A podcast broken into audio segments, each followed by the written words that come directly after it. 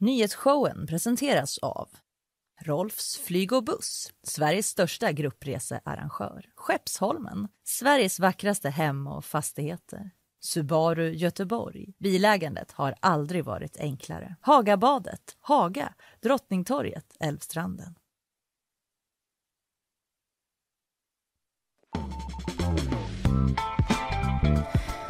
Tisdag, det är tisdag. Det är tisdag! Ja, det är nyhetsshowen live från GP-huset som vanligt. Linnea Rönnqvist och eh, Fanny Wik heter vi idag. Så heter vi. Så heter vi. God Idag. morgon Fanny. Och imorgon också. Ja, imorgon kommer vi heta samma sak. Troligtvis, man vet aldrig. Nej.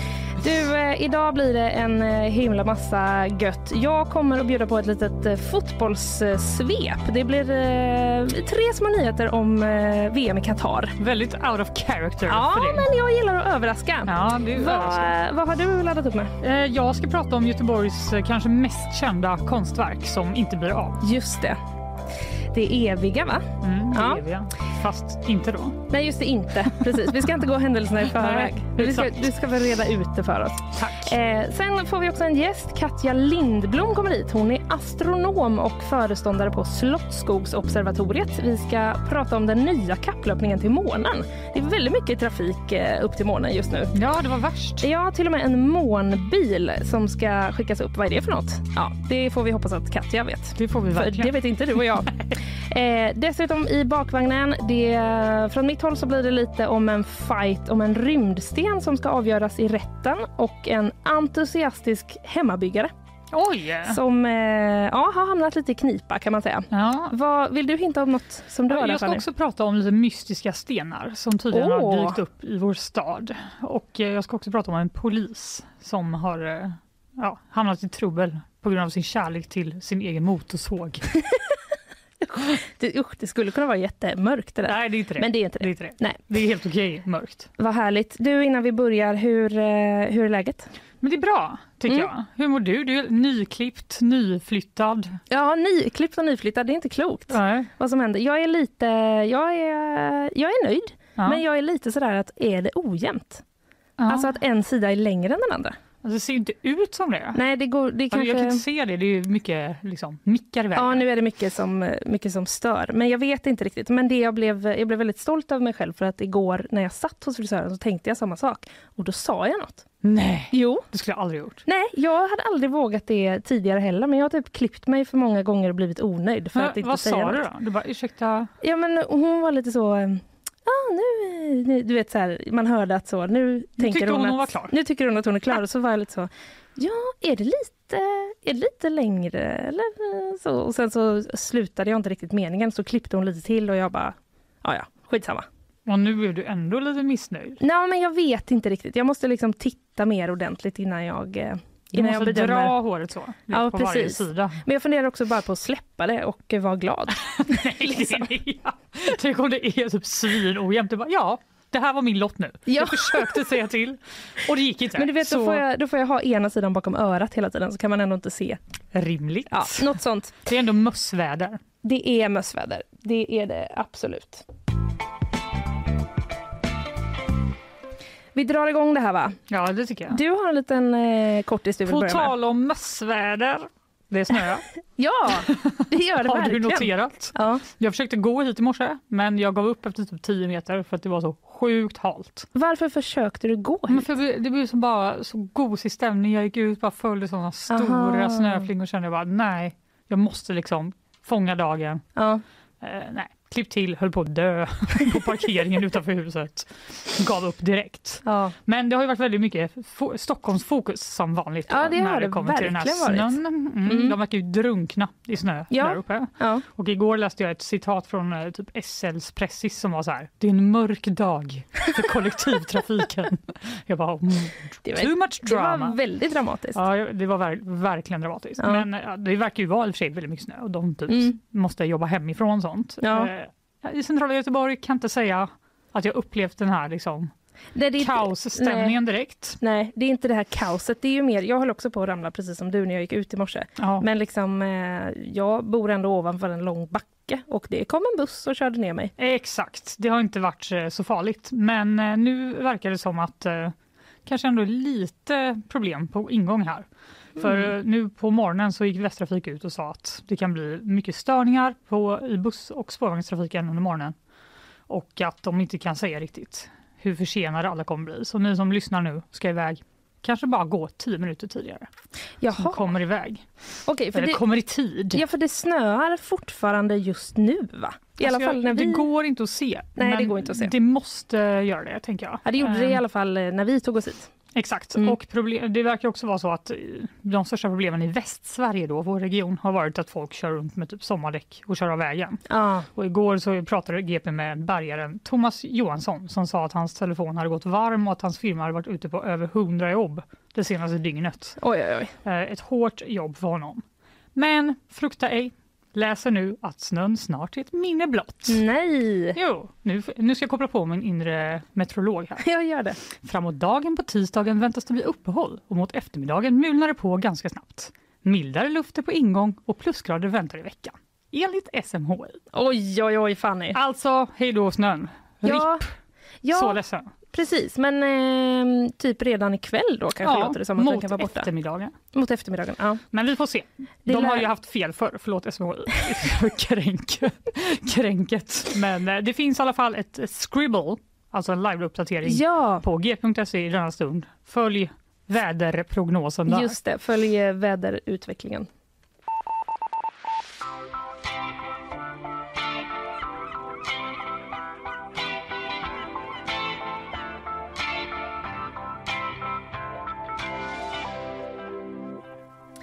Då vill jag eh, också säga någonting. Det är rättegång idag. I massa olika fall. Jättemånga olika rättegångar är det. Men en av dem eh, gäller eh, Arla. Jaha. Arla slutar att klimatkompensera.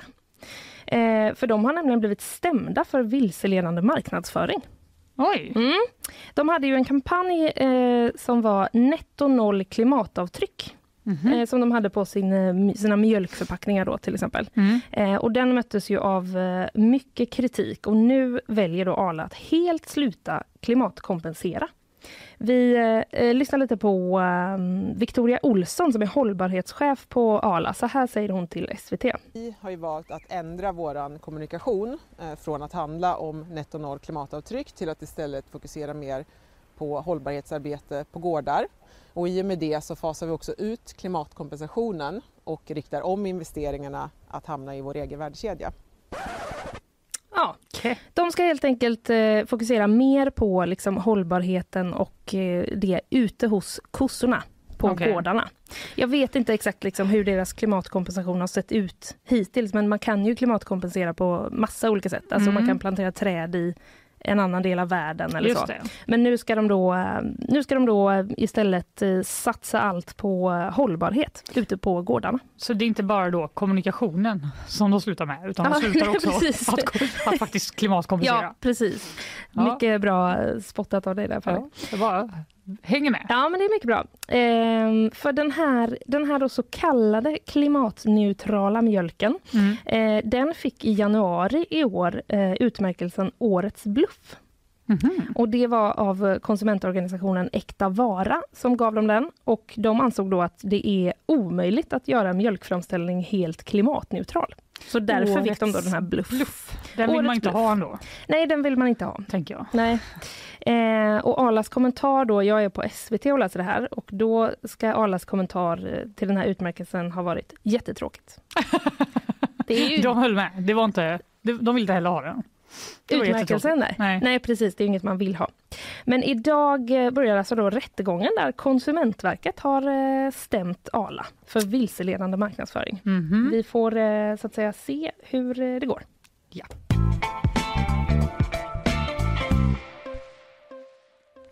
Jag tar och fortsätter. Ja, Ja. Eh, för nu ska vi till fotbolls-VM i Qatar. jag lutar mig tillbaka. här. Ja, gör det. Vi pratade ju om fotbolls-VM du och jag förra veckan också med Robert Laul. Det gjorde vi Ja. faktiskt. Och är ändå nu, nu känner jag att det är dags igen. Mm. Eh, det blir tre små nyheter från eh, Qatar som har kommit i dagarna. Eh, den allra första. Ölen förtvinar! Nej. Ja, den förtvinar väl inte egentligen, men jag blev sugen på att använda det ordet så jag gjorde det. Ja, absolut. Eh, nej men, ja, jag, ska, jag ska förklara lite mer. Ja. vad det är. I fredags eh, så meddelade Fifa då att ingen öl får säljas på arenorna i Qatar. Ja, Aj, aj, aj. taskigt alltså. Ja, det var ju lite av en eh, svängning, för jag har i alla fall sett bilder på där det finns liksom färdiga typ eh, ja, bås eller vad man ska säga, liksom uppbyggda så här ställen där du ska kunna köpa öl. Mm. Eh, och nu eh, kan de ju inte direkt använda dem då, när man De inte bara, får sälja öl. skoja! Ja, Exakt. Bara, Det blir bara vatten Vi har- i båset. vi har byggt upp massa grejer här och skickat hit folk, men eh, ja, de får väl sälja något annat nu då. Jag vet inte riktigt.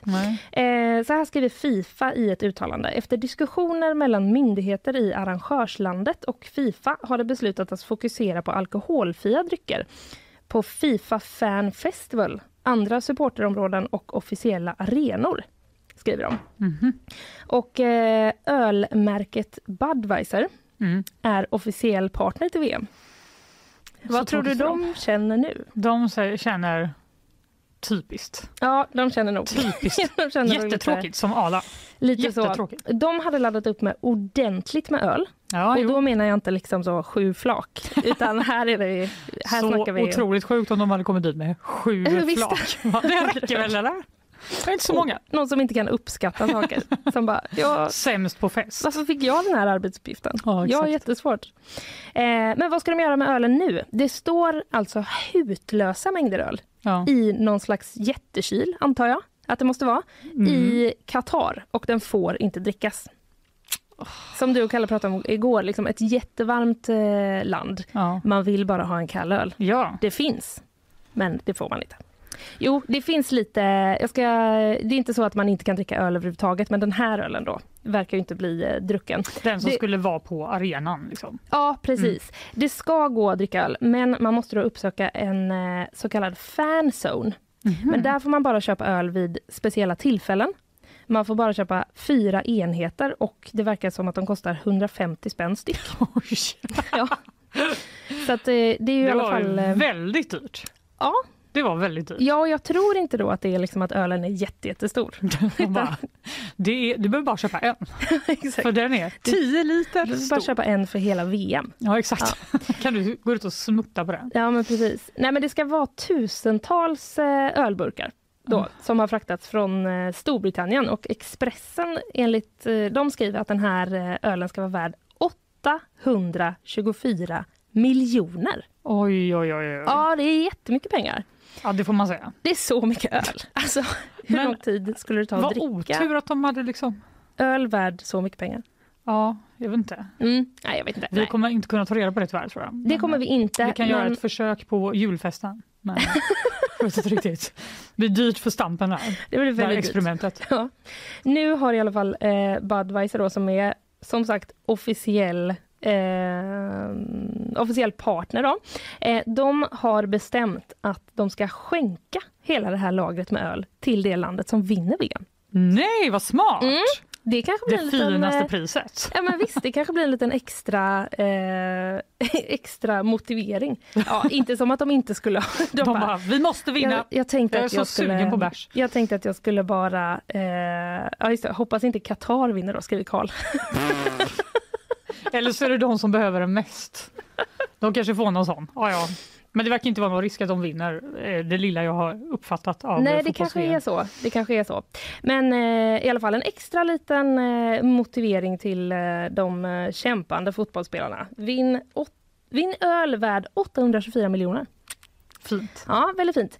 Eh, vi går vidare till nästa rubrik här eh, som jag har. Och det handlar om det iranska landslaget. Mhm. Igår så mötte de eh, England, en Mm. match som England vann med 6-2. Nej, Ja. Lite trist. Eh, men eh, det är inte det som är själva nyheten utan grejen är då att de var eh, iranska landslaget var tysta under nationalsången. Aha. Den spelas ju... Oj. Eh, den spelas ju, eh, nationalsången där, så brukar man ju vanligtvis sjunga med. Just det, det har jag sett. ja, precis. Jag har sett det hända. Eh, men nu var de då tysta och det tolkas som ett sätt att visa stöd för eh, demonstranterna i Iran. Mhm. helt enkelt. Så Irans anfallsstjärna Sardar Azmoun uttalade sig tidigare i eh, höstas och sa då Se vad ni gör mot vårt folk, skäms. Ni dödar utan att tveka. Länge lever iranska kvinnor, skrev han på Instagram. Politiken fortsätter att krypa in i fotbollsvärlden helt enkelt, även i, eh, i, i iranska revolutionen. Precis. Mm. Den gör ju det. Det är ju mycket så. eh, Sport är sport och politik är politik säger vissa, men Verkar inte så. det är ju svårt att hålla dem isär. Ja. Eh, och den eh, grejen eh, gäller också min tredje rubrik. Mhm. Eh, VM-lagen viker sig, slopar One Love-binden. Har du hört om den här Mm. Nej. One Love-binden? Vad är det? Det är ju då, lagkaptenen i varje lag har ju en armbindel för att visa att man är just lagkapten Ja, just det. eh, under en match. Och sju av de Om här... någon så glömmer bort. Vem var det nu? Ja, det- var du. Ja, just det. Vilken tur. E- Egentligen undrar jag, vad eh, behöver man det till? Är det till motståndarlaget? Jag vet inte. Nej, är det inte Det- bara typ cred? Jo, det borde ju vara en symbolgrej eh, bara, Ja. kan man tycka. En extra fin bindel på armen. Ja, ja precis. Är, men de andra har ju ingen bindel. Just det. Så det är bara den som har en bindel. Ja. Eh, sju av de här länderna i alla fall som är med i VM, de hade planerat att de skulle ha en särskild bindel då. Och det är ett eh, hjärta med massa olika färger på dem. Mm. Eh, eller massa olika färger i hjärtat. Och eh, One Love är då en kampanj som startade i Nederländerna för att eh, främja mångfald. Och Fotbollskanalen skriver eh, då att den ska lyfta rätten att älska vem man vill. Mhm. Ja, så de sju länderna då, det är England, Wales, Belgien, Danmark, Tyskland, Nederländerna och eh, Schweiz eh, som sa att de skulle ha den här och Sverige har också liksom ställt sig bakom det här även om inte vi är med i VM. Okej, så Eh. det är, det är liksom för mänskliga rättigheter och hbtq. Ja, precis så Ja. tolkar jag det. Eh, men nu är det då klart att de här länderna inte kommer att bära den här bilden för Fifa har förbjudit det. Nej men gud! Mm. Fifa har hotat, hotat att utdela sportsliga straff om man inte följer de här direktiven och därför har eh, länderna nu då gett sig. Nej, men, Eh, så här säger då länderna i ett uttalande enligt eh, BBC. Vi var beredda att betala de böter som normalt följer brott mot regler kring utrustning och kände en stark vilja att bära armbinden. Men vi kan inte utsätta våra spelare för risken att bli varnade eller att till och med beordras att lämna planen, skriver de. Okej, som är för mänskliga rättigheter, men inte så mycket. Det var okej med liksom böter. Ja precis, böter där hade de kunnat ta. Men får man liksom ett gult kort då Nej, för då att man så har... viktigt var det inte då. Nej, då, då kan de, eh, då menar de liksom att de inte, ja, man kan inte be spelarna om det för det får Men- sådana konsekvenser. Men det är ju ett väldigt intressant liksom, eh, ja, hur, hur viktigt det då är för Fifa att ingen ska få Ja, tycka något i sina kläder höll jag på att säga. jag kan också tänka typ vad hade hänt, nu blir det ju väldigt spekulativt då, men Mm. vad hade hänt om de bara hade sagt ja fast sorry vi kommer ha den här. Mm. Alltså de, om alla hade gjort det. Ja, Känns som att de är lite pushovers ändå. För lite Ja, kritik kan kanske. från mig. ja, men det är väl... eh, Men Fifa verkar ha makten. Det är väl att eh, liksom, eh, jag menar eh, fotboll är Fotboll är deras liv höll jag på att säga. Ja, jag vet inte riktigt men de har i alla fall resonerat så här att eh, ehm, de, man inte, vi kan inte utsätta våra spelare då för risken att bli varnade eller beordras att lämna planen, skriver de här länderna. Och en annan grej som också hör ihop lite med detta, det är att Belgien, de har det här hjärtat på sina bortatröjor.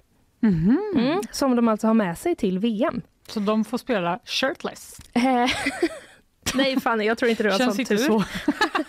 ja, Sluta direkt. hoppas, sluta tänka. Känns inte heller helt uh, ultimat för, i Qatar kanske. Nej, det gör inte det. Men man har... Eh, jag har... Eh, ja, nej, förlåt. Jag ska rätta mig själv. De har inte hjärtat, utan det står love i nacken på tröjorna. Så är det. Okej, Ehm, men... det räcker. Det är ingen kärlek ska visas. Nej, det får man inte ha då, verkar det som. Eh, man har ju, de, man har ju liksom flera tröjset med sig till ett VM.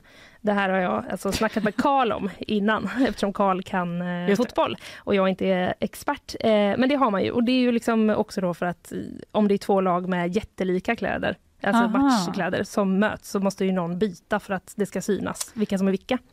Eh, så de här tröjorna då där det står Love eh, inbroderat i nacken enligt Expressen, eh, det måste de byta ut.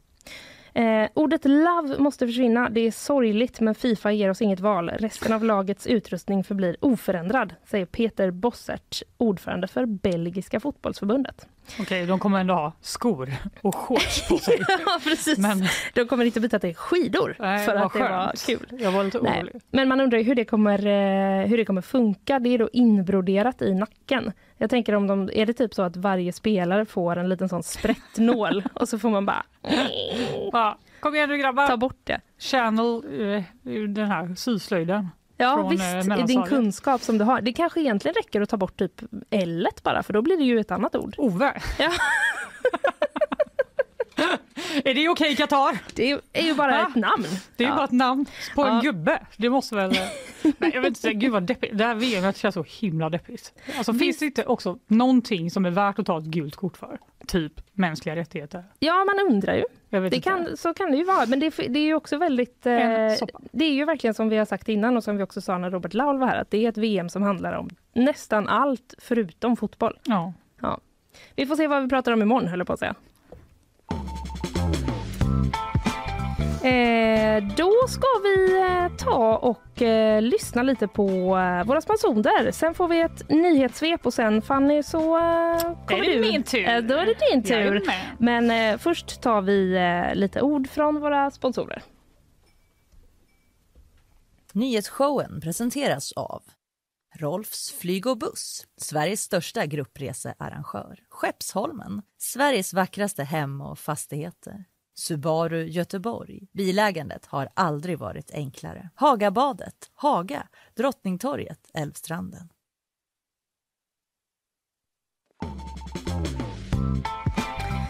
Ja, några ord från eh, våra sponsorer eh, hade vi och nu eh, har Isabella Persson kommit in i studion. Det är lite, börjar bli lite nyhetssvepsdags. Det är dags va? Där får du en mikrofon också. Hur är läget? Det är bra. Hur är det med er? Jag Det är bra. ja, jag Vi har tycker det så det. trevligt. Ja, vi har det trevligt. Tjejshowen. Tjejshowen, ja exakt som vi kallar den. Som Med tjejämnen som fotboll och rymden som vi ska prata om idag. Det är härligt. vi måste ju vara, vi är som manstillvända du och jag. Vi bara, alla män måste gilla oss ändå fast det är två tjejer i studion. Vad ska vi- göra? Vi, vi- pratar om fotboll och rymden. Snälla, stäng inte av. Det gör vi. Eh, Men innan vi fortsätter med de ämnena så eh, tar vi ett litet eh, nyhetssvep. Det gör vi. Varsågod Isabella. Sent igår kväll hittades en kvinna död i Tanums kommun. Hon hittades utomhus och polisen har sett tecken på yttre våld och inlett en mordutredning. De uppger att kvinnan är i 20 till 30 års åldern och att hon ännu inte är identifierad. Minst 36 personer har dött efter att en brand brutit ut i en fabrik i staden Anyang i centrala Kina. Det rapporterar statliga kinesiska medier. Två personer saknas fortfarande efter den omfattande branden där över 260 personer deltog i släckningsarbetet. Flera mindre skolor i Göteborg kan stängas. Resultatet kan bli att vissa elever kommer få längre skolväg än tillåtet. Och hundratals föräldrar protesterar nu mot beslutet som kan klubbas igenom idag. Redan för två år sedan beslutade man att man skulle stänga mindre skolor då man ansåg att fler antal elever behövdes för att kunna organisera och bemanna skolorna på ett bättre sätt. Men även att det ansågs mer kostnadseffektivt. Yes, och igår kallades Sveriges ambassadör i Turkiet upp till landets utrikesdepartement. Enligt uppgifter till Reuters ska mötet handlat om att diskutera demonstrationer som enligt nyhetsbyrån genomförts av PKK PKK-anslutna och som ska ha skett utanför den turkiska ambassaden i Stockholm. Reuters rapporterar att Turkiet ställt krav på Sverige att utreda och vidta åtgärder mot demonstranterna. Svenska UD har bekräftat att gårdagens möte ägde rum men vill inte i detalj gå in på vad som diskuterades. Nyheterna bara fortsätter eh, komma. Så är Varje det som dag är. är de här. Ja. Fler och fler blir de. Ehm, vad, blev, vad, vad var det där om skolan? Förlåt mig. Det, var, det blir för långt för eh, folk. Vissa att gå till skolan, ja. En vad som, ehm, nu ska vi se, Än vad som liksom var i exakt vad som reglerna. är tillåtet. Skolvägen Jaha. för. Jag vet faktiskt inte riktigt vad den gränsen är. Nej, det är man får ju. jag ju säga. Men eh, det är då flera skolor idag. Jag ska ta fram exakt vilka skolor det var. Just det. Ehm, Det hade man ju eh, varit sugen på om vi hade haft någon sån gräns för hur långt man fick ha till jobbet. Och vad skulle hända om det var för långt? Skulle man då får du sparken! antingen få, få en så övernattningslägenhet? Ja, du tänker genast på positiva effekter. Ja, dit och jag, jag. som är lite mer gloomy lagd. Du Bara, tänker att man får sparka direkt om man bor för långt bort. Man borde ju få välja. Ja.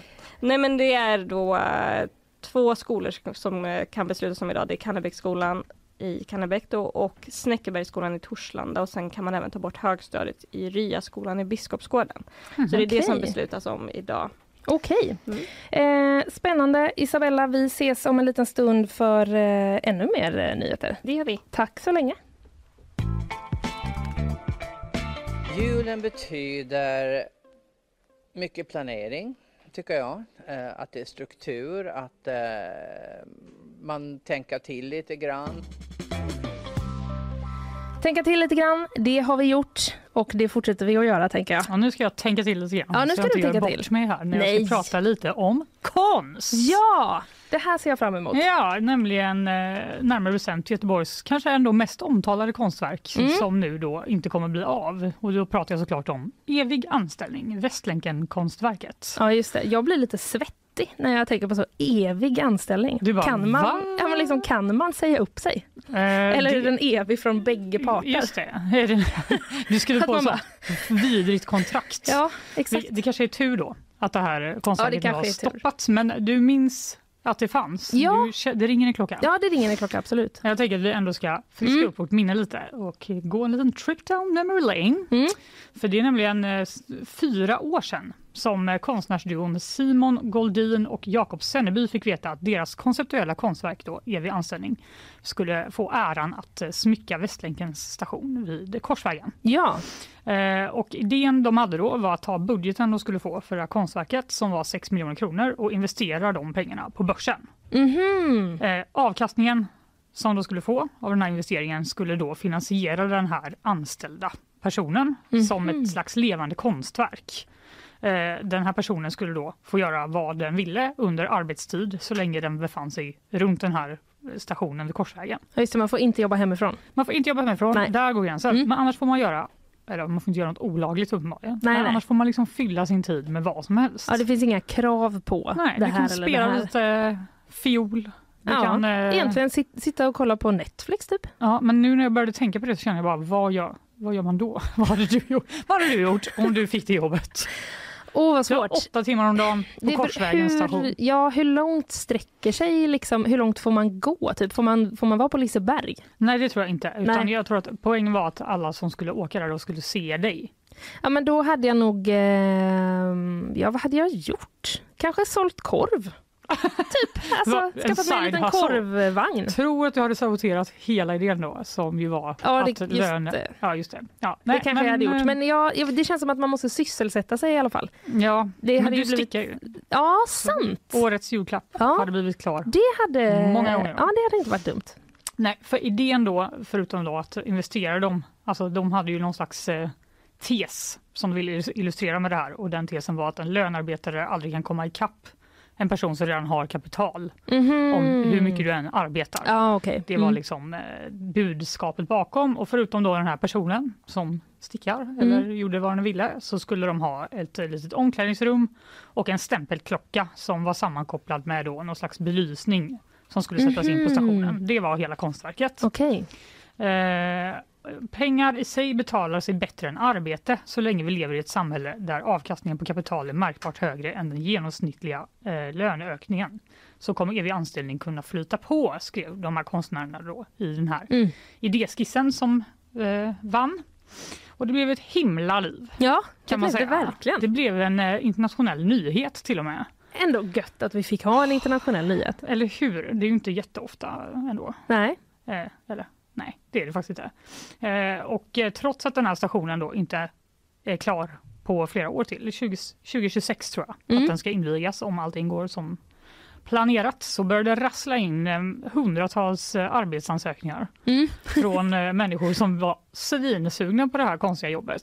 Eh, inte bara från Sverige utan även från Taiwan, USA och Filippinerna. Mhm. Trots att då tjänsten inte var utannonserad någonstans.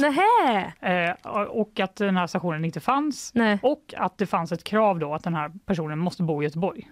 Det är den här okej. närhetsprincipen vi pratade ja. om innan. Men var det, att man, var det att man var tvungen att bo, eh, eller kunde man flytta till Göteborg kanske? Det antar jag man kunde om man fick jobbet. Ja, det kunde man nog. Eh, Men okej, så det, det enda som var ute var att vi ko- det kommer att bli den här grejen. Det var inte Exakt. så, skicka din ansökan hit. Nej, Nej, nej, men folk bara, jag måste ha jobbet. jag skickar ändå. Kan i och för sig fatta. Ja. Ganska legendariskt. Plus att om man har typ ett intresse så kanske man kan tänka sig att man bara får betalt för att göra sitt intresse då. Mm, ja, exakt. Man kan ju göra nästan vad som helst Ja, där. jag Alltså antar typ om man, man får vill... ta med sig rekvisita. Ja, det måste man ju få. Jag är bara en sån tjej som inte har något intresse. Nej men, Men, eh, eh, det är alltid bara killar som har ett intresse. ja typ, det är alltid bara en killar som har intresse. en gitarr. Nej men absolut. Mitt, Tennis. Ja, jag är helt Sånt med dig eh, på det. det är, Ja. Ibland är det som att eh, ja, om man inte spelar innebandy typ, då har man inga intressen. Nej, Nej. jag vet. Vi Mm. måste verkligen bli bättre på det. Ja det måste vi. Men, På att spela eh, innebandy. Varför inte? Jag har spelat innebandy. Har du det? Väldigt mycket avstick här nu. Ja men då har du ju ett... Ja. Vi får prata mer, vi pratar mer om våra intressen efteråt på fritiden. Ja. Men helt enkelt, so far so good. Mm. Eh, Idé, jättestor nyhet i världen, stort intresse från människor som ville göra det. Äntligen skulle Göteborg bli en konststad att räkna med, Mm. som gjorde det här spännande konceptuella konstverket. Klipp till förra vintern när Ja. Maria Domelövik på GPs kulturredaktion kunde avslöja att det blir inget med evig anställning ändå. Eh, på fyra år då, Ja. från att de vann den här tävlingen som eh, skulle då göra att de fick göra det här konstverket till då, så hade det inte betalats ut några pengar. Därför hade de inte kunnat investera några pengar på börsen. Ja, men. Så tiden då höll på att rinna ut för den här ekonomiska kalkylen som låg bakom eh, liksom, grunden till hela Nej, verket. Vad tråkigt att det, det föll på liksom en sån grej typ. Det kommer. Ja, Okej. Mm. Men det var ju då, då, då började alla fråga sig varför har de inte betalat ut några pengar? Ja. De hade liksom gjort ett väldigt noggrant researcharbete de här. De hade, Det Mm. var några bankmän som hade gjort en ekonomisk kalkyl som Mm. sa att om det skulle ta ungefär sju år för pengarna skulle ha en chans att växa så pass mycket att de skulle kunna ha råd då, Mm. eh, typ Mm. med lönen till den här personen. Men nej, inga pengar hade de fått. Och eh, varför då undrade Maria såklart. Ja. Och eh, nu ska vi lyssna på Lotta Mossum som var då curator på Statens eh, konstråd och inblandad i detta när hon blev intervjuad i SVT Nyheter. Det visade sig efter ett tag att eh, det finns en kapitalförsörjningsförordning som reglerar hur statliga myndigheter får använda offentliga medel. Och eh, den här kapitalförsörjningsförordningen eh, var det ingen av oss som kände till, varken juryn eller konstnärerna. Men nu känner jag till den. Nu känner de till den. Nu känner de till det. Då var det ju tyvärr för sent. Ja, men vad, vad snopet också att det är det någon slags... Ja, Det alltså, fanns tydligen en sån här som vi måste Det var på. då en okänd lagparagraf som ingen kände till och Nej. som alltså förbjöd själva grundidén bakom konstverket. Åh. Eh, som då tog fyra år för dem att upptäcka. Typiskt! Eh, Den här regeln då, jag ska inte gå in för mycket, det är ganska tekniskt, men det, det som den innebär är att en statlig myndighet kan inte betala ut offentliga medel till en stiftelse. Mhm. Och hela deras grundidé var att de här miljonerna som de skulle få skulle eh, förvaltas av en stiftelse grundad av konstnärerna. Okej. Eh, så då började ju febril eh, aktivitet eh, liksom för att rädda det här Mm. konstverket. De försökte, Statens konstråd Trafikverket och konstnärerna själva hade massa planer på att det, det kommer gå. Mm. De försökte till exempel med extern finansiering istället för att det skulle vara från statligt håll. De eh, reachade ut till eh, vår dåvarande kulturminister Amanda Lind Mm. och sa kan du snälla ta upp det här eh, ärendet i riksdagen så vi Mm. kanske kan kringgå det här liksom, paragrafen men hon sa nej tack, jag hoppar det. typ. Eh, och till slut så kände Trafikverket att vi bryter det här. Vi lägger ner det här projektet. Gud vad tråkigt. Eh, Tiden håller på att rinna ut, vi har inte tid att hålla på och liksom, Mm. hit, försöka kringgå detta. Plus att uppenbarligen hade det redan gått fyra goda år Ja. eh, eh, för länge. Ja. Så eh, de bröt helt enkelt med konstnärerna, la ner projektet och de som hade då lagt fem år på det här konstverket kände att de var totalt överkörda av Trafikverket, sa de till GP och kallade hela processen för katastrofal. Usch vad jobbigt. Väldigt sorgligt och det är också Ja. så typiskt Göteborg på något sätt. Att bara, vi, vi bara får det här jättespännande konstverket så bara Ja. eh, Det var ingen som visste om den här Nej, grejen ingen förbjuder som- hela idén bakom konstverket. Kanske i framtiden Typiskt. att man skulle ha en jurist med i såna här jurys. Ja, och också kanske också att när de väl insåg det att man ändå inte lika, lyckades liksom lösa det. Nej, för att det är så mycket precis. byråkrati Ja, och liksom, ja. du förstår, det tar så hundra år att genomföra. Ja. Men! Nu, Men, nu får någon ny person chansen. Hmm, Eh, Statens konstråd då sa att mm, okej, den här konstnärsduon kommer inte få göra det här evig anställning, men då kan väl vi åtminstone låta dem eh, ha förtur liksom, och göra något annat på Mm. den här eh, hållplatsen. Nej, tyckte Trafikverket. nej. Fuck that! Så nu kan vem som helst eh, som är peppad på detta eh, ta sig an den här utmaningen. Eh, för fram till den 9 januari 2023 så kan man skicka in sitt intresse för att få göra då ett permanent konstverk till station Korsvägen. Ah, okej. Så Men det är ju ganska tajt om tid. Det är väldigt tajt om tid. Eller och jag känner det i I en artikel då, som Maria Domelöv har skrivit igår Mm. så säger eh, eh, Lotta Mossum att ja, det kanske inte är de bästa förutsättningarna om man jämför med hur det var från början. Men skicka gärna in. Det är typ så från, från evig anställning till du har eh, en dryg månad på dig. Ja, jag vet. Det är Ja. väldigt tajt. Men eh, de har i alla fall en ny jury Ja, okej. som ska gå igenom de här intresseanmälningarna. Så vi får väl se. Jag vet inte om folk kommer våga göra något så wild and crazy igen. Nej, Men kanske inte. Det vore också synd om det bara blev en sån liten skulptur. Ja, exakt, en liten, liten skulptur De någonstans. kommer, ja, alltså antingen försöker de matcha det här Ja, eller så safear de bara sönder för att det inte ska bli en sån katastrof Ja. igen. det, se. det kommer bli Har du väldigt några spännande. idéer? Alltså, nej, jag började tänka febrilt nu och det enda jag kom på var att så måla ett rött streck på en vägg. Eh, men det, jag har liksom ingen... Trafikverket bara, ja, den tar vi. Det låter superbra. bara, det låter jätteenkelt. Ja, bara Men, eh, färg och en vägg. Ja, det var det som kom upp här nu, men jag har ju ingen sån... Eh, vad ska det här konstverket symbolisera? Det kan du nog hitta på Det när jag- du målar strecket så. Eh, Ja, Väldigt precis. långsamt. Ja, jag kan ju måla det långsamt. Ja, Mm. Ta inte min idé, alla konstnärer eh, där ute. Jag kan konstatera att det som var ett ultimativt krav från Moderaterna före valet, nämligen att vi skulle skicka Archer, eh, det är ju inte med i det här paketet. Vad tycker du själv? Tycker du att eh, vi borde skicka Archer till Ukraina? Eh, Det är inte det som är frågan nu. Då eh, ska vi ta och eh, lyssna på några ord från våra sponsorer. Nyhetsshowen presenteras av Rolfs flyg och buss, Sveriges största gruppresearrangör. Skeppsholmen, Sveriges vackraste hem och fastigheter. Subaru Göteborg. Bilägandet har aldrig varit enklare. Hagabadet, Haga, Drottningtorget, Älvstranden.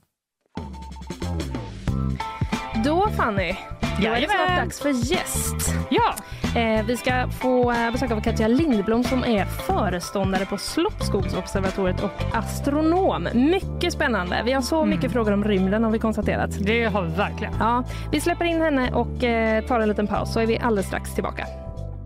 Ja, men då har vi fått in eh, vår gäst i studion. Det är Katja Lindblom som är eh, astronom och föreståndare på Slottsskogsobservatoriet. Ehm, och vi ska prata lite om månen, för det verkar som att vi människor ska dit igen. Förra veckan så skickade NASA upp rymdfarkosten Artemis 1 och idag faktiskt så ska en månbil skickas upp om vädret tillåter. Det är ju känsligt det där. Det är snön Ja, igen. precis. Varför vill alla till månen nu? Det och eh, mycket mer ska vi prata om med dig, Katja Lindblom. Välkommen! Tack så mycket.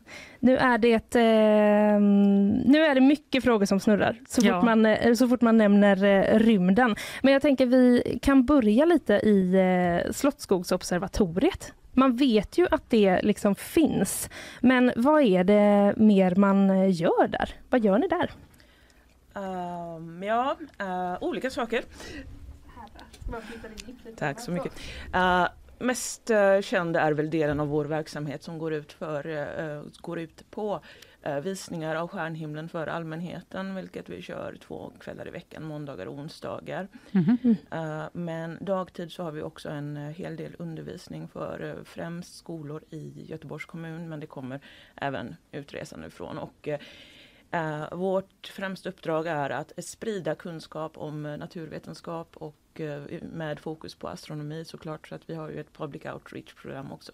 Mm-hmm. Okej. Vi var ju inne på det lite här, att det här inte är din tid på dygnet. Måste du vara vaken hela nätterna då, så du kan se alla stjärnor? Uh, vi bor i Göteborg. Det är väldigt sällan som man ser några stjärnor härifrån, vilket är synd uh, med tanke på uh, att eh, höstar och eh, vintrar här uppe i norr är då som vi har den mest intressanta stjärnhimlen. Eh, men däremot så jag undervisar kvällstid också mm. i astronomi. Så att, eh, du är en natt? Jag har alltid människa. varit en nattmänniska. Kombinationen undervisa kväll och, dag och morgon mm. är inte min grej.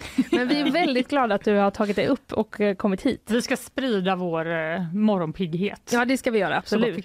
Vi Men eh, ni har ett teleskop. Alltså hur långt eh, kan man se, hur långt kan man se med det om man nu låtsas att det inte är molnigt då? Och vad, vad är det man ser i det? Mm, för det första så har vi fem teleskop. Fem teleskop, ja. vi, vi, har, ja. vi har fler än så. Nej, det mest avlägsna objektet som vi kan se härifrån Göteborg är Andromeda-galaxen eh, som ligger två och en halv miljoner ljusår bort. Och, eh, men då ska det vara riktigt bra och klara kvällar för vi har ytterligare ett problem i den här staden och det är ljusföroreningar. Mm -hmm. och det, ett, eh, det, blir mer och mer upplyst överallt om kvällarna vilket gör att det är svårt att se avlägsna ljussvaga objekt. Men eh, en riktigt bra kväll kan man fortfarande se Vintergatans närmaste galaxgranne. Hur långt bort var det den låg sa du? Två och en halv miljoner ljusår bort. Då, då, eh, då tickar ju mitt sånt här ja, rymd, lite rymdpaniken igång. Man bara, det är så fruktansvärt långt bort. Men, eh, men du har inget sånt att när du tänker på rymden ibland så kan du få lite så, oh, eller? Um, jag är ju yrkesskadad. Ja. Uh, så um, jag minns en gång i radio för några år sedan så refererade jag till fyra miljarder år sedan som några år sedan. Det var en, det var en felsägning. Det, det, var det. Men om vi, tar, om vi tar ner det till några miljoner år så astronomiskt sett så är det ingenting. Inte mycket hinner hända på en miljon år till exempel. Mm. Eh, så det krävs att jag sätter mig ner och faktiskt funderar. Det är ju faktiskt väldigt lång tid trots allt. Ja. För, för oss människor så har vi ju två primära problem med rymden som jag ser det. Ett, att det tar så lång tid för allting och de enorma avstånden. Mm. Och tid och avstånd är ofta, eller allt som oftast är relativt till varandra när vi snackar om just astronomi. Så jo, ibland får även jag de där, men 17, det är jättelångt bort. Ja, för tyvärr är både jag och Linnea väldigt rädda för rymden. Eh, för att alltså jag, det är ju väldigt svårbegripligt och därför kan det vara, kännas lite obehagligt. Är det vanligt att folk som kommer till dig eh, får lite sådana det blir nästan filosofiskt att prata om ibland. Jag måste säga att de allra flesta är sådana som um, inte förefaller ha funderat på det speciellt mycket. Mm. Och när de får informationen så är det ofta wow. Mm. Och de blir förundrade snarare än uh, uh, rädda. Men visst, det har ju nog funnits uh, några som har tyckt att det är jätteläskigt med det här stora, nästintill oändliga, tomma, svarta, mm. kalla, fullt av radioaktiv strålning. Försöker okay. du skrämma mig nu? Nej, det gör jag inte. För det funkade. vi tar och samlar oss lite. Vi ska ja. klara det här Fanny. Ja, jag vet. jag, jag, jag, ehm, fokuserad. Ja, men det är bra. Vi går in på det konkreta. För som, eh, som jag nämnde lite där innan så är det, det är någon slags nytt race eh, till månen. Det är liksom mycket, det är många som vill dit. Vad är det man, vad är det man vill göra där? Ja du, det är en jättebra fråga. uh, delvis så, såklart en hel del uh, faktisk forskning mm. som går ut på att lära sig mer om månens historia och geologi för att uh, jag ska inte snöa in på det här nu men månen och jorden har samma ursprung i det att jorden bildades ensam i sin bana strax efter att solsystemet var färdigbildat och hade bara bildat en ja, liten vagt stelnande skorpa när eh, hypotesen lyder att det kom en liten planet av kanske Mars storlek, kraschade in, in i jorden och eh, res, eh, resultatet av kollisionen blev, för att göra en, en lång historia kort, att månen bildades. Mm -hmm. Så Uh, genom att få reda på mer om månens struktur, geologi och sådant så kommer vi lära oss mer om jordens historia och solsystemets också för den delen. Så det är en grej. Mm. Um, sen så finns det ju Även om jag inte vill att det ska vara så, så finns det ju en hel del kommersiellt intresse också tyvärr. Mm. Uh, som går ut på att exploatera månen på resurser och sådant. Just ja, det. Vad är det för liksom, aktörer som vill ta sig till månen nu? Det är inte bara NASA liksom, som eh, jag har faktiskt ganska dålig koll på exakt hur många och vilka det är men mest kända är väl antagligen kineserna för sin, eh, sina ambitioner att så småningom starta gruvdrift på månen. Aha. Gruvdrift på månen, det är också en sån... Det eh, låter som en omväg, då, men jag förstår att det är, när våra egna resurser tar slut så vill man ha en backup-planet då. Eh, ja, och det där kan man ju tycka vad man vill om. Mm. Uh, personligen tycker jag att det är ganska idiotiskt. Man borde ta tillvara på resurserna här istället för att uh, hoppa vidare till uh, nästa plats bara för att det börjar se dåligt ut här. Mm. Ja, just det. Byta planet. Mm. men om vi går tillbaka till den här Artemis 1 sköts upp förra veckan. Det skedde en viss, jag tror att Ina satt liksom ja. under tiden hon sände och tittade tittade liksom hela tiden sådär, är den iväg nu? Har den lyft? Eh, följde, följde du den uppskjutningen? Nej, för jag sov. Ja, ja just det. Det var ju denna tiden. Ja, just det. Du fick se reprisen då? Sen. Uh, ja, jo, men jag kollade på det så fort jag hade gått upp. Mm. Eller jag möttes av nyheterna att uh, äntligen så var den iväg för att um, jag börjar bli trött på att dra det här för det låter som ett dåligt skämt och egentligen så är det det. Men uppskjutningar tenderar att bli uppskjutna. Ja, just det. ja. Varför då? För att det är så komplicerat? Um, oftast är det på grund av väder. Det måste ju vara perfekt stabilt väder för mm. att en uppskjutning ska mm. kunna um, lyfta. Man får ju, det får inte blåsa och ha sig till exempel eller regna eller åska eller snöa. Sådär, så. Nej, det, då blir det färre och färre bra dagar mm. att göra det på helt enkelt. Ibland kan det vara på grund av fel som man upptäcker mer eller mindre i sista minuten. Om ni kommer ihåg hela historien med James Webb. Uh, rymdteleskopet. Frågetecken. Ja, uh, det sköts upp uh, juldagen förra året. Men bara förra året så har de skjutit upp uppskjutningsdagen minst två gånger. En gång på grund av att det hade uppstått, uppstått en det var en del av en sköld som hade gått sönder, har jag för mig. Jag minns inte. Ah, okay. Men, men mm. sådana där saker. Ja, just det. Ja. Men det är ju, det är väldigt eh, noga med eh, det här med att man ska räkna eh, på alla de här grejerna. Oh, ja. jag på att säga. Men liksom, det, ska, det ska vara massa matematiker som eh, räknar ut, kommer det här funka och kommer det här hålla och allt sånt där. Definitivt. Ja. Okej, så det blev en eh, glad överraskning när du vaknade att eh, den här Artemis 1 var uppe? Äntligen, i, ja. ja. Vad är det den ska göra? Uh, först och främst så ska den ju uh, ska säga, bana väg för eventuella framtida uh, bemannade månfärder och det gör den i nuläget genom att testa systemen hos Orion-farkosten, den som är tänkt att landa med en framtida besättning på månen. Just det, just det för det, det, det är någon slags del Ja just det, det är en rymdkapsel från Artemis, mm -hmm. den som heter Orion. Ja, just det. Och den, är tanken då att man ska liksom testa typ om man kan använda den här Orion för att landa människor på månen? Det är så det är? Uh, mig veterligen kommer man faktiskt inte landsätta den den här gången mm. utan uh, om jag inte minns fel så är det det som Artemis 2 kommer att vara till för. Okej. Okay. Uh, när den nu mm -hmm. skjuts upp vet ingen än. Uh, men, så det är det att testa de integrerade systemen i Orion som, som, på, som Artemis ska göra. Då. Det är plus att skicka ut ett gäng kubsatelliter som kommer att ha upp, eh, olika uppgifter, inte alla relaterade till månen utan andra forskningssyften i rymden.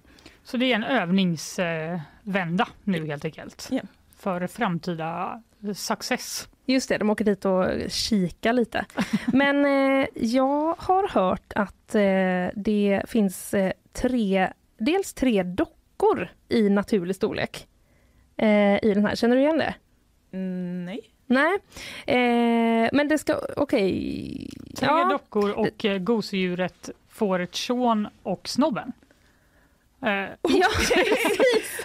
det, skulle, det skulle inte förvåna mig om så vore fallet men eh, jag, jag har faktiskt inte stött på det. Nej, nej. Väldigt... Eh... Det verkar nämligen enligt vår researcher Emily som att snobben brukar åka med i Nasas månfärder. Det är en, en väldigt speciell grej. Att de alltid så slänger med ett snobbengosedjur. En maskot for good luck. Ja, precis.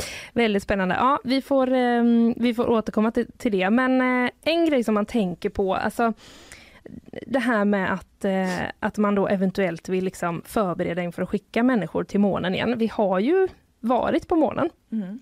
Um, vad är det som gör att, uh, eller varför är det så svårt, tänker jag, att, att åka dit igen med människor? När vi redan har gjort det en gång. Eh, hittills så är det ju bara USA, NASA, som har gjort det. Mm. Um, och anledningen till varför de slutade med det är väl lite omtvistad så för att uh, den officiella historien lyder att uh, efter 1972 så fick NASA inskränkt budget, hade inte råd med det längre. Men det finns också vissa källor som indikerar på att det, månlandningarna blev allt mer av, av en politisk historia. Mm. Vilket jag inte är insatt i. Men det är faktiskt sant att det är väldigt, väldigt kostsamt att skicka människor till månen. Mm. Å andra sidan så eh, att vi vill skicka folk till månen igen nu. Det är delvis i förberedande syfte för framtida Marsresor. Mm. Att man, eh, ska man säga, övar på bemannade rymdfärder överhuvudtaget. Och eh, det är inte bara människor som ska upp utan det är dessutom en massa robotar också. Eh, för att ja, undersöka. undersöka. Okej, okay, så det kanske var att när, när USA vann den tävlingen så kände man att då är det inte lika värt att lägga de pengarna för att åka dit igen eh, efteråt förrän nu då. Mm. Nej just det, när man har precis, att, att komma tvåa är väl inget att lägga så här mycket pengar på. Nej. Kanske man tänkte. Um, men idag då, om vi går till uh, nu, då är det en Lunar Rover eh, som det kallas, eller månbil, som ska skjutas upp från eh, Kennedy Space Center. Det var väl samma som Artemis sköts upp ifrån om jag inte missminner mig. Eh, vad, är, eh, vad vet vi om den här månbilen och vad ska den göra? Um, för det första så um, verkar det som den kommer skjutas upp nästa tisdag istället. Nej! Uppskjutet! Ja. Ja. Igen. Uh, ja. ja, det var i alla fall det senaste som, uh, som jag läste. Ja. Uh, den här uh, heter Rashid och är det första som skjuts upp, den uh, första månland, månbilen säger vi nu, även mm. om det inte är en bil, det är en robot. Uh, månbilen som skjuts upp från en, ett arabland. Det är mm -hmm. Förenta Arabemiraterna som ligger bakom den här. Mm -hmm. Och den har faktiskt ett väldigt spännande upp, uppdrag framför sig. Vad är det för någonting? Um, den, den kommer att ägna en del tid åt att studera eller den kommer att studera markförhållanden på månen, uh, geologi i den mån det är uh, möjligt, uh, ta reda på vilka mineraler som förekommer och huruvida det emitteras gas från månytan, sådana grejer. Men det kanske viktigaste av allting som den kommer göra för framtida bemannade månfärder, det är att undersöka månens regolit, alltså det som vi kallar för måndamm. Mm -hmm. Ni kanske har sett filmer eller bilder på när astronauter går omkring på månen och det verkar som att de går på ett väldigt fint pulver. Mm. Ja just det. Så man kan tänka sig att det där är väldigt mjukt men det är det egentligen inte utan det är myriader av små rakbladsvassa partiklar som har haft en tendens att eh, komplicera saker och ting eftersom det fastnar exakt överallt. Mm -hmm. eh, framförallt i astronautdräkter och det har dessutom visat sig att det har en viss korrosiv effekt på saker och ting. Vad betyder det? Jag vill säga att det mm, ja, förstör kan vi säga. Aha. Men var, varför skickar man människor till månen när man kan skicka robotar då? Människor... Det verkar ju livsfarligt. Det är det. Ja. det är livsfarligt.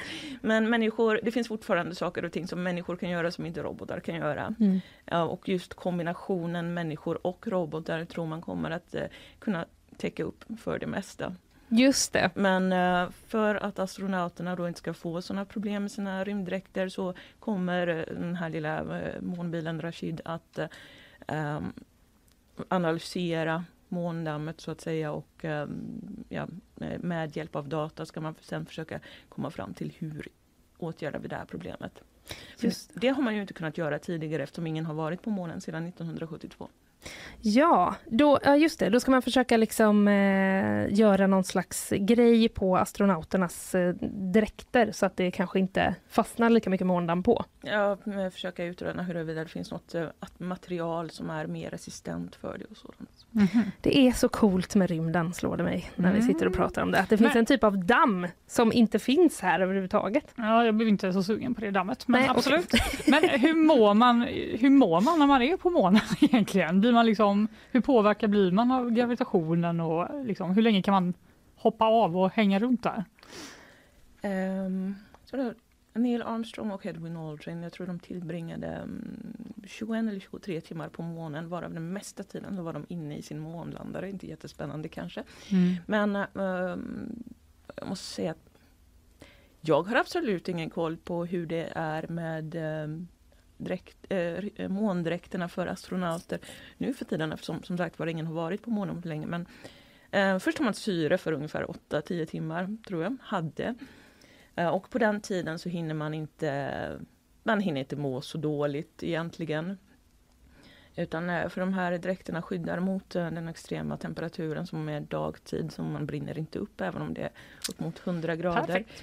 Oh, det är 100 grader på månen dagtid? Uh, ja, månen har ingen atmosfär som balanserar, som jämnar mm. ut temperaturerna så att det, um, det blir strax över 100 grader dagtid och uh, på natten på månen så har man uppmätt temperaturen på vissa ställen till minus 263 grader. Så det är go.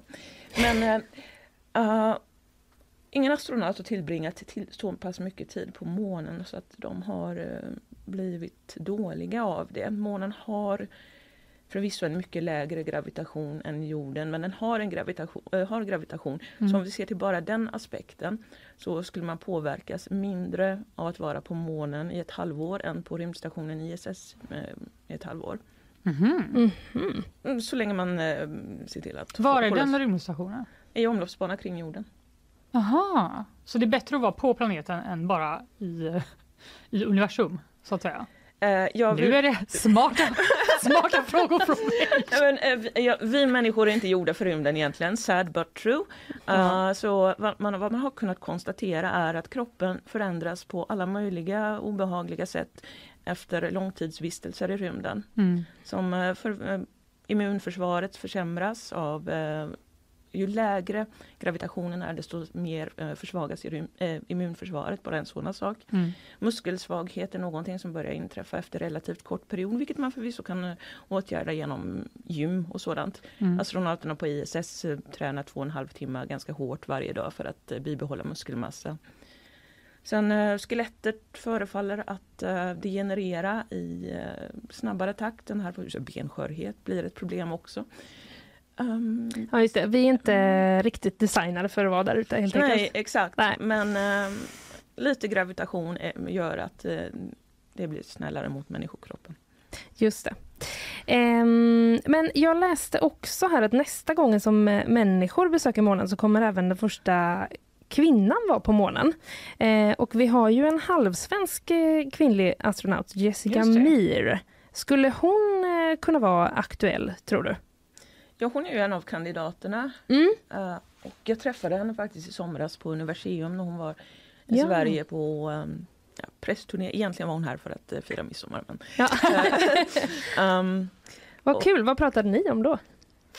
Uh, jag, det var mer eller mindre en spontan intervju. Jag skriver för tidningen Populär Astronomi också och mm. um, om möjligt så skulle jag skriva en liten notis till vår blogg. Mm. Uh, så jag stack iväg till Universium. Det visade sig att jag var den enda reporten där som ville fråga henne någonting. Så att jag fick faktiskt de där frågorna. Mm -hmm. uh, så jag frågade om uh, astronautträningen och vad uppdraget skulle vara på månen i sådana fall. Sådana grejer. och tror att det är allt som allt 18 astronautkandidater som är utsedda för den tilltänkta landningen 2025 eh, och eh, hälften av dem är kvinnor. Mm -hmm. Ja, så att eh, hon är inte den enda kvinnliga kandidaten. Det var väl trevligt att mm. höra. Okay. Spännande. Men om vi blickar eh, lite längre bort till Mars då. Vi har ju mm. nämnt det lite att man kanske vill, man kanske vill ja, kolla på månen nu för att förbereda sig för att åka till Mars. Hur, hur långt bort är det att vi skulle kunna åka dit? Till Mars från jorden? Hmm. Jag tror att genomsnittsavståndet är 225 miljoner kilometer men jag minns inte exakt. Nej just det. Men, men hur, eh, om man tänker i liksom eh, hur långt vi har kommit med, eh, med tekniken och sånt här. Ehm, är det liksom, ja, hundra år kvar tills vi kan åka dit? Eller börjar vi närma oss någonstans? Det är inte så mycket tekniken som är problemet som uh, farorna som det innebär att resa i rymden. Mm. En uh, Marsfärd, um, enkel resa skulle ta ungefär sju månader. Mm. Uh, vilket ja, man skjuter givetvis upp när Mars befinner sig i ett gynnsamt läge. Uh, vi kan åka till månen utan några större problem faktiskt. Okej, okay, det är fortfarande komplicerat men månen ligger nära. Det tar bara ungefär tre och en halv dag att ta sig dit. Mm. Uh, Just det, versus sju månader. Så det är ju väldigt stor skillnad. Precis, och uh, om vi har om vi tittar på vår fina stjärna, solen. Mm. Det, är en ganska, det är en ganska snäll, stabil stjärna men den, har, eh, den är aktiv i perioder. De, den eh, har eh, solutbrott, solstormar, kastar ut massor av laddade partiklar. Uh, vilket är extremt farligt för någonting som saknar magnetfält. Befinner man sig på månen så kan man ju enkelt se till att upprätta till exempel en månbas för, på ett ställe som inte skulle träffas av de här solstormarna. Mm. Detsamma gäller inte för en uh, farkost på väg till Mars. Mm. Uh, utan vi skulle behöva ett artificiellt magnetfält kring den här farkosten för att inte en solstorm skulle mm, praktiskt taget uh, grilla astronauterna och förstöra all e-, elektronik. Var en mm -hmm. Eh, det låter minst sagt som att eh, det finns några saker att eh, reda ut innan vi kastar oss iväg. Det är inte så att du och jag åker upp i eftermiddag, Fanny, till Skulle Mars. du vilja åka till rymden?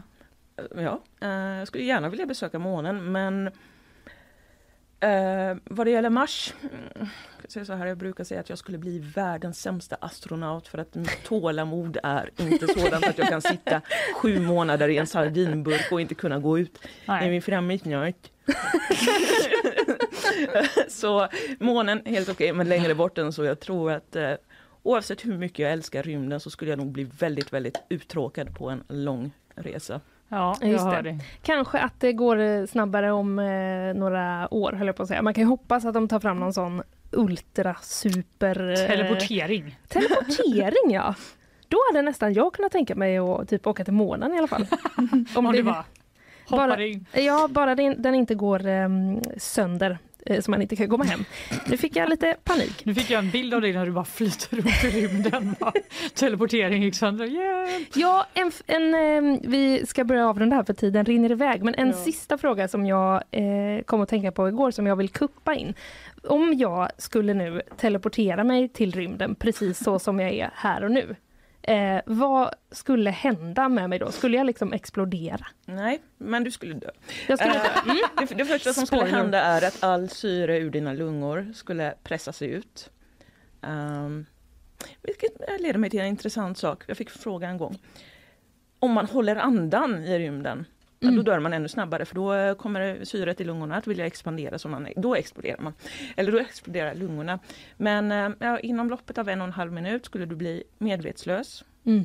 Mm -hmm, Långa en och en halv minut ändå, och känna paniken. Ja, förlåt. Ja, något sådant. Och, um, små blodkärl i um, ja, överallt i hela kroppen, inklusive hjärnan, skulle brista och så vidare. Men du är medvetslös, du märker inte av det här. Nej.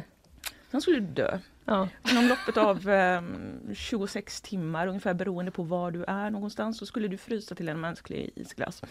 Mm. Eh, om du inte är nära, en, nära solen för att då brinner du upp. Just det! Gud vad bra! du det här? Sorry. Nej men det är väl sånt man går och tänker på. Man undrar, jag har fått för mig någon gång eh, liksom när, vi, när man har pratat om vakuum och sådär så jag har fått för mig att man tänker att det är det i rymden och att man kanske då skulle liksom bara explodera ut för att det inte finns något som trycker på en. Men nu har vi ju svaret. Ja. Antingen eh, grillad eller en eh, isglass helt enkelt. Mm, eh, mycket bra. Mm. Det här var så uh, intressant. Ja. Tusen tack för att du det kom hit och uh, gästade oss. Tack själva för att jag fick komma hit. Ja, det var, det var helt uh, på vårt nöje. vi ska ta och lyssna lite på våra sponsorer och sen är vi strax tillbaka. Nyhetsshowen presenteras av Rolfs flyg och buss, Sveriges största gruppresearrangör. Skeppsholmen, Sveriges vackraste hem och fastigheter. Subaru Göteborg. Bilägandet har aldrig varit enklare. Hagabadet, Haga, Drottningtorget, Älvstranden.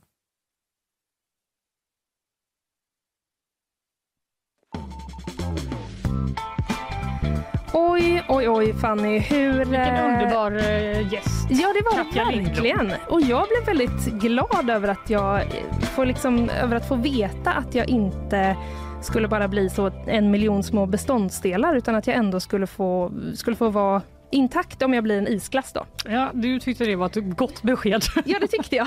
Hellre det än spridd över, över hela galaxen höll jag på att säga. Ja. Det är inte klokt vad rymden eh, kan, kan få en att börja, börja tänka. Vi får ta hand om varandra efter det här.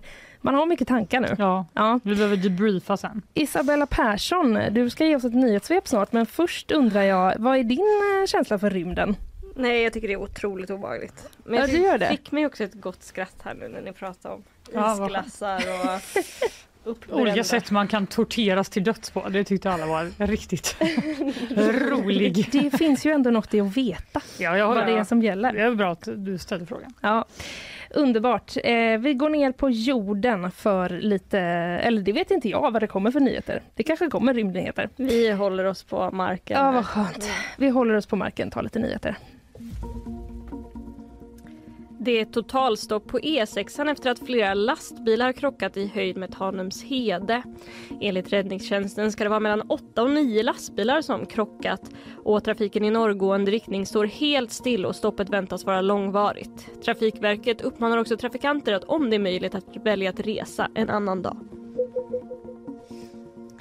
Sent igår kväll hittades en kvinna död i Tanums kommun. Hon hittades utomhus och polisen har sett tecken på yttre våld och inlett en mordutredning. De uppger att kvinnan är i 20-30 års åldern och att hon ännu inte är identifierad. Flera mindre skolor i Göteborg kan stängas. Resultatet kan bli att vissa elever kommer att få längre skolväg än tillåtet och hundratals föräldrar protesterar nu mot beslutet som kan klubbas igenom idag. Igår kallades Sveriges ambassadör i Turkiet upp till landets utrikesdepartement. Enligt uppgifter till Reuters ska mötet handlat om en demonstration som enligt nyhetsbyrån genomförts av PKK-anslutna och som ska ha skett utanför den turkiska ambassaden i Stockholm. Reuters rapporterar att Turkiet ställt krav på Sverige att utreda och vidta åtgärder mot demonstranterna. Svenska UD har bekräftat att gårdagens möte ägde rum men vill inte i detalj gå in på vad som diskuterades. Mycket med Nato. Mycket med. NATO. det var som att ett tag så eh, pratade vi ingenting om eh, Nato, typ under valrörelsen var det väl? Ja, flera dagar säkert. Flera dagar. Ja. Nu är vi tillbaka. Spännande. Har vi eh, någonting mer speciellt som händer idag som vi håller koll på? Eh, trafikläget. Trafikläget ja. Ja, jag kände att jag spred fake news här som bara det kommer inte bli någon snö är inte så farligt. Men, Men vet du men, vad? eh, Det är som det är för SMHI. Det är svårt att alltid Ja, ha rätt prognos. tur att eh, g.se finns. Ja, Där- och snövädret i Göteborgs, eller Göteborgsområdet var överraskande. Alltså, Mhm. Det, man, varken Trafikverket eller SJ eller så var beredda på att det skulle komma så mycket Det är som snö. varje år. Ja. Alla bara va? Ja. Vad sker med Eh, nej men det var Bengt Olsson, Trafikverkets presschef, sa i TV4 nu på morgonen att det varit överraskande att man inte varit beredd på att det kommit, skulle komma så mycket snö och att det kan påverka. Fram med broddarna. Fram med broddarna. Just det, men väldigt skönt i alla fall att alla vi tre redan är på jobbet. Ja. Slipper man oroa sig för det. Väldigt skönt. Eh, Isabella, tusen eh, tack för idag. Tack själv. Jag kan konstatera att det som var ett ultimativt krav från Moderaterna före valet, nämligen att vi skulle skicka Archer, eh, det är ju inte med i det här paketet. Vad tycker du själv? Tycker du att eh, vi borde skicka Archer till Ukraina? Eh, Det är inte det som är frågan nu. Nej, det är inte det som är frågan utan nu är frågan Fanny, vad eh, har du för gott med dig in i bakvagnen? Jag tänkte börja prata lite om polisen. Mm. Det har ju ändå ploppat upp de senaste åren lite frågor kring polisens förhållande till Instagram.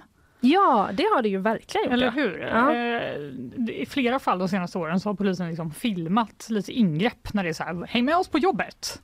Mm. Eh, och då finns ju en viss, eh, visst problem då med integriteten hos de Just det, de hade människor ju... man eh, gör ingrepp mot. så Ja, att säga. de hade ju också någon egen eh, nästan reality-serie. Det hade de också. Ja. Den blev inte så uppskattad Nej. av folk. Även om de försökte liksom censurera så Mm. fanns det ju olika saker som kunde liksom identifieras om man visste vem det var till exempel. Mm. Och i fjol så var det ett eh, gäng Stockholmspoliser som anmäldes eh, för brott mot tystnadsplikten. Mhm. Efter att de hade lagt ut på Instagram när de typ gick in i en kvinnas lägenhet och lagt upp all information om Aha. det som hon var då eh, anklagad för att ha gjort. Så hon tyckte väl inte att det var toppen. Eh, och nu har även Instagrampoliserna nått vår del av Sverige. Nej, är det sant? Ja, eller det var till och med i somras. För juli så föll ett träd eh, och blockerade E6an vid Varberg ungefär. Mm. Och då ringde de polisen och bara nu får ni eh, reda ut det här. Mhm. Men eh, polisen som skickades dit tog en liten omväg förbi sitt hem för att hämta sin privata motorsåg och kamera, typ GoPro-kamera. Så att han skulle kunna filma när han kapar upp det här trädet och lägga ut det på Instagram. men, nämen. Mm. Först när du bara nämnde motorsågen då kände jag att eh, det var väl schysst då. Ja. Typ att bara, ja, men det är lugnt, jag åker hem och hämtar min motorsåg. Men man- eh, det var inte bara det utan det var att det skulle filmas alltså. Ja, han la upp det här klippet när han liksom bara sågade ner det här trädet eh, och taggade det här motorsågsmärket Jaha. i, eh, i inlägget. Okej, var Så- det något slags liksom, eller man kan inte se klippet, det är borta antar jag. Ja, jag, sett, jag såg på DN att de hade liksom lite bilder från Mm. det här eh, som jag antar att de har fått från polisens eh, utredning. Då. Mm, Men det. eh, jag gissar att den här personen kanske inte har kvar. Nej. Jag hade nog kanske tagit ner det. Man hade kanske tagit med det. Men vad är det som händer med den här eh, polisen? Har det fått några följder detta? Ja, eh, Polismyndigheten vill eh, eh, att den här personen ska få ett löneavdrag. De tycker att det kan både ses som reklam för det här motorsågsmärket och plus att han då utförde det här arbetet i sin eh, polisuniform utan korrekt skyddsutrustning. Jaha. den, den delen var ju också lite...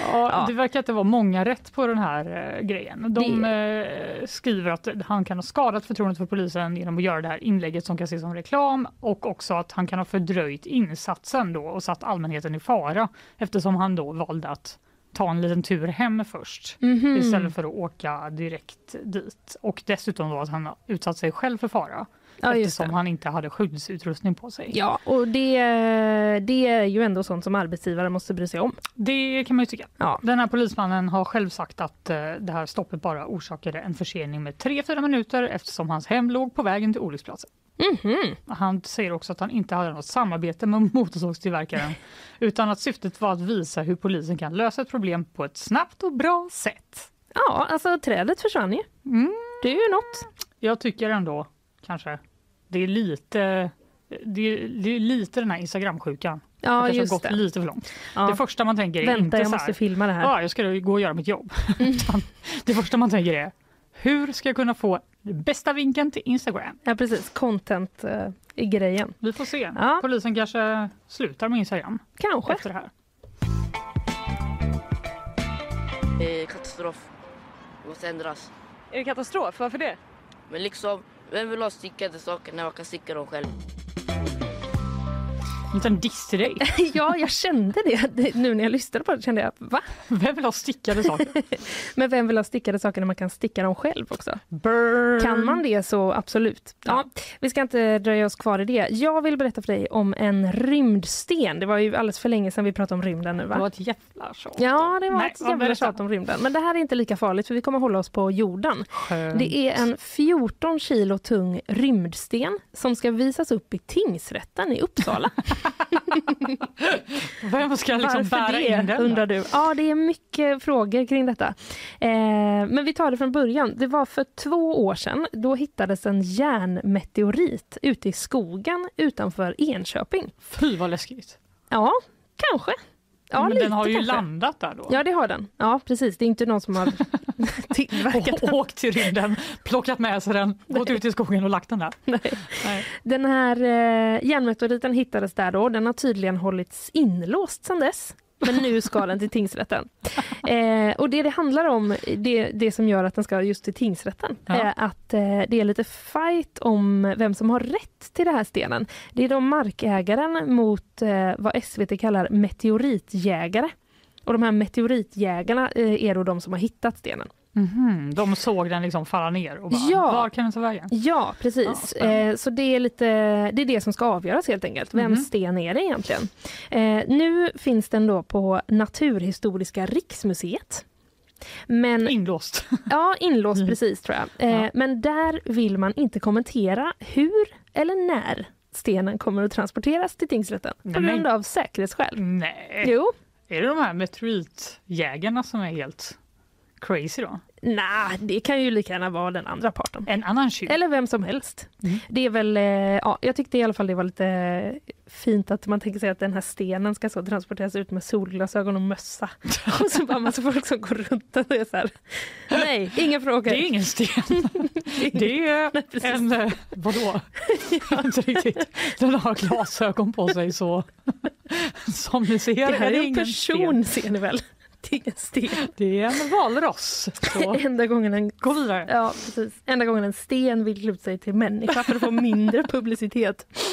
Ja, eh, nej men det finns tre stycken såna här kända järnmeteoriter i Sverige. Mhm. Eh, och eh, det unika med stenen som man hittade i Uppland 2020, alltså den stenen som det fightas om, det är att det är den första järnmeteoriten i Sverige som setts falla och som sedan hittats, säger Erik Jonsson, stadsgeolog vid Sveriges geologiska undersökning. Mhm. Så den här är, det finns inte så många helt enkelt. Alltså tänk vilken, vad, vilken god känsla när de liksom kom fram till stenen. Mm. De bara såg den falla ner i skogen, Ja. hittade den. Ja, men hur, hur, hur gör man det?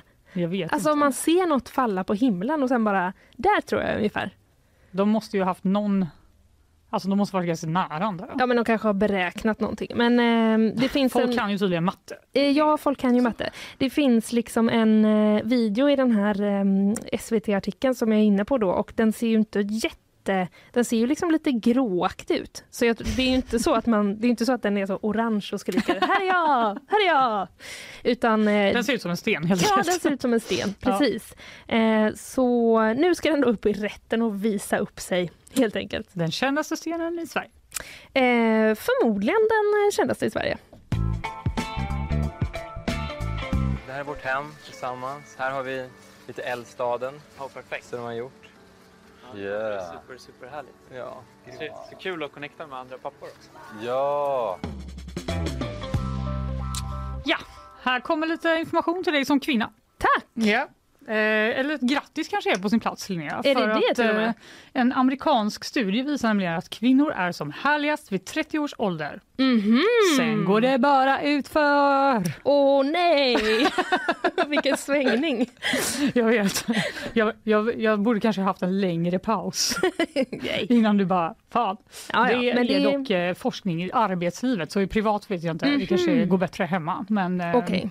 det är en amerikansk studie som eh, då visar detta. De, den här forskargruppen har analyserat resultaten från tre olika studier och kommit fram till att vid 47 års ålder då pikar kvinnor som mest ocharmiga.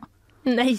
Jo, så det är ganska kort, vänta, ganska kort tidsperiod då man har på sig att vara lite skön. Ja.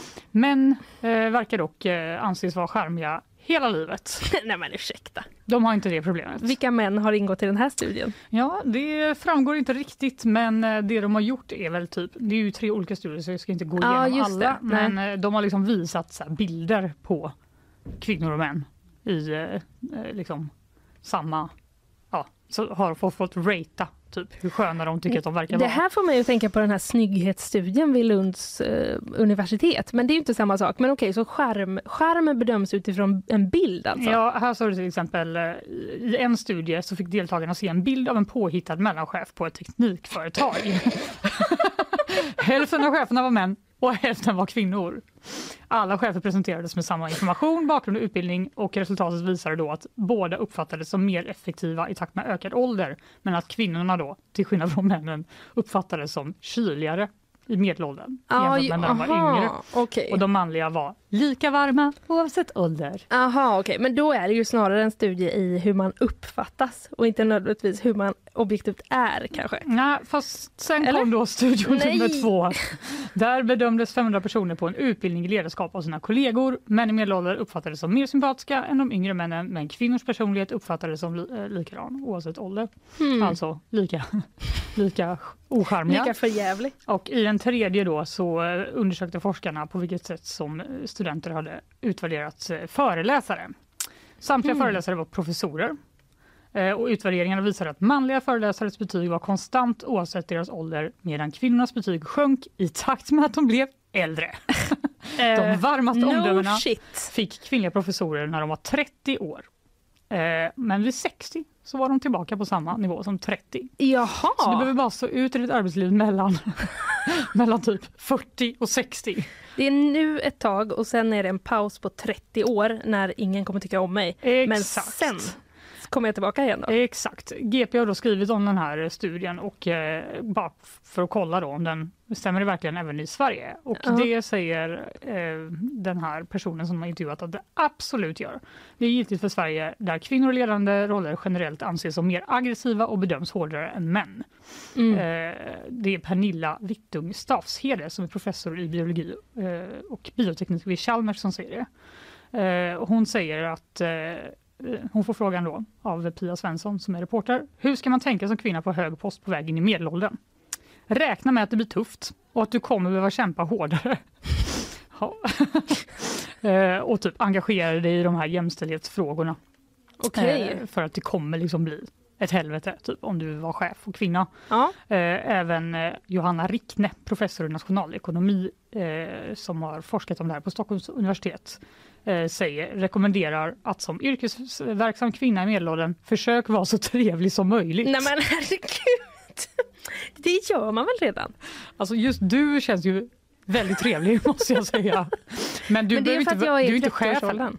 Ja, och du, du, du är inte chef än. Nej det är Så när inte. du har Karls jobb sen, Ja. då kommer alla hata dig. Då kommer, då kommer alla Det spelar ingen roll ifall du är kompetent och trevlig, men eh, försök att vara så trevlig som möjligt så kanske det går bra. Ja, jag, jag ska försöka.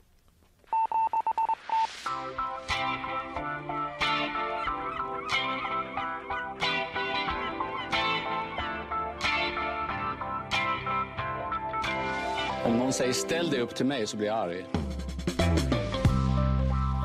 Nu ska vi till Nya Zeeland. Underbart! Jajamän. Nu är jag inne på vår egen tidning på GP och läser. Eh, det är åldersdiskriminering att inte få rösta förrän man fyllt 18. Jaha. Det bryter mot Nya Zeelands grundlag, slår landets högsta domstol fast. Oj. Och nu kan det här komma att ändras. Va, är det sant? Mm. Okej. Eh, hur ung ska man vara då? Jo, då är det eh, 16 är uppe som ett eh, förslag. Eh, att man ska få rösta från att man är 16. Det är ett fall som har, eh, som har liksom varit i det nyzeeländska domstolssystemet sedan 2020.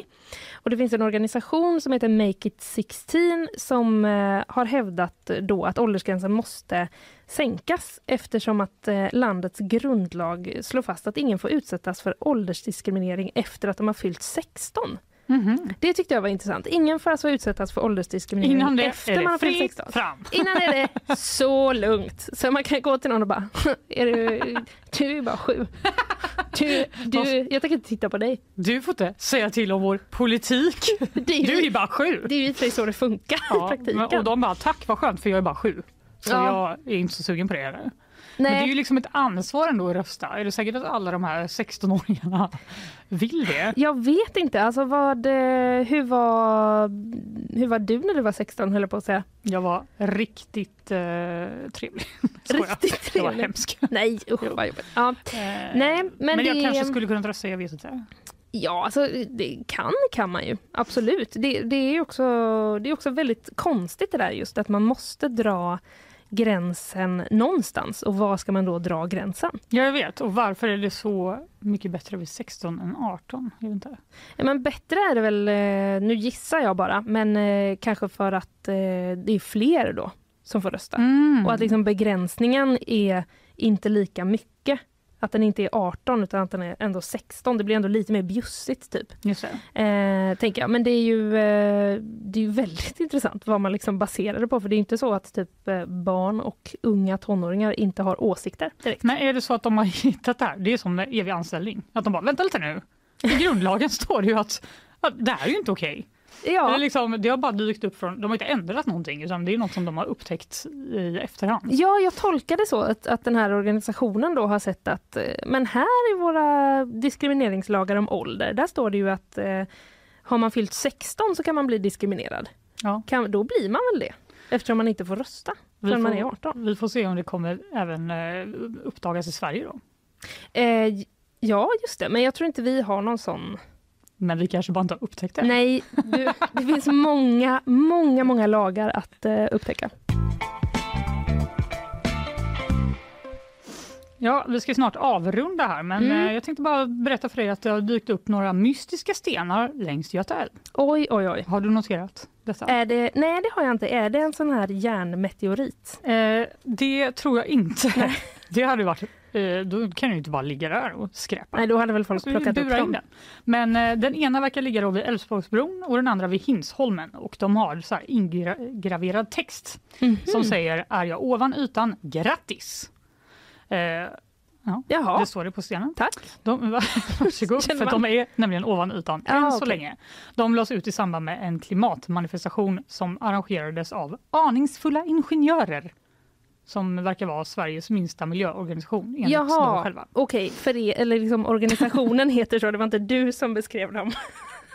Det var aningslösa ingenjörer som Ja. ut dem. Nej, jag skulle aldrig eh, göra ett sånt påhopp utan de har gjort det på sig själva. Okej. Eh, det finns någon slags inspiration bakom den här manifestationen då som kommer från hungerstenarna som är stenar som har placerats ut i typ olika europeiska floder och eh, anger då hög och lågvatten. Och när vattennivåerna har varit väldigt låga så har de haft varnande budskap då som de har ristat in i de här.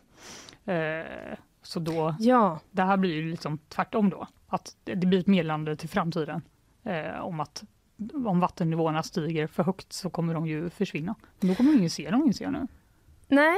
Hmm. Men det kanske, det kanske är poängen att man ska tänka på det innan. Ja, eh, Men det är ju och om det intressant. typ närmar sig. Ja precis, men Då då, finns, det, vi. då finns det liksom en, eh, en sten för eh, en sten, ja man ska ligga mellan stenarna helt enkelt då. Ja, jag, vet inte, jag antar att det ligger liksom på en lagom nivå Mm. nära ytan idag då. Mm. De ska i alla fall lägga ut fler stenar, typ i Saltholmen, så fler gö- göteborgare kan se detta och påminnas om havsnivåerna.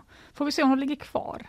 Just Lex eh, spelar Shoreline-stenen, Ja som vi det. alla minns. det. Ja och lex järnmeteoriten, det är inte hur enkelt som helst att lägga ut en sten och få den att ligga kvar. Som man brukar säga. ja.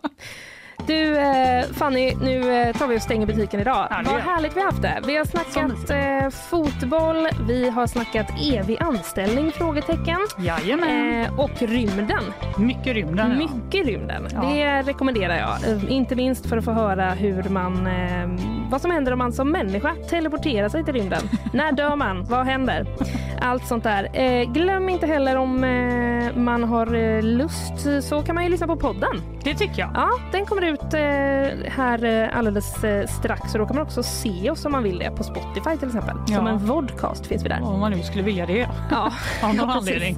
Du heter Fanny Wijk. Ja. Linnea Rönnqvist heter jag. Isabella Persson har nyhetssvepat. Emily Hagbard har researchat och eh, Carl Jansson har producerat. Vi ses igen imorgon. Det gör vi. Hej då!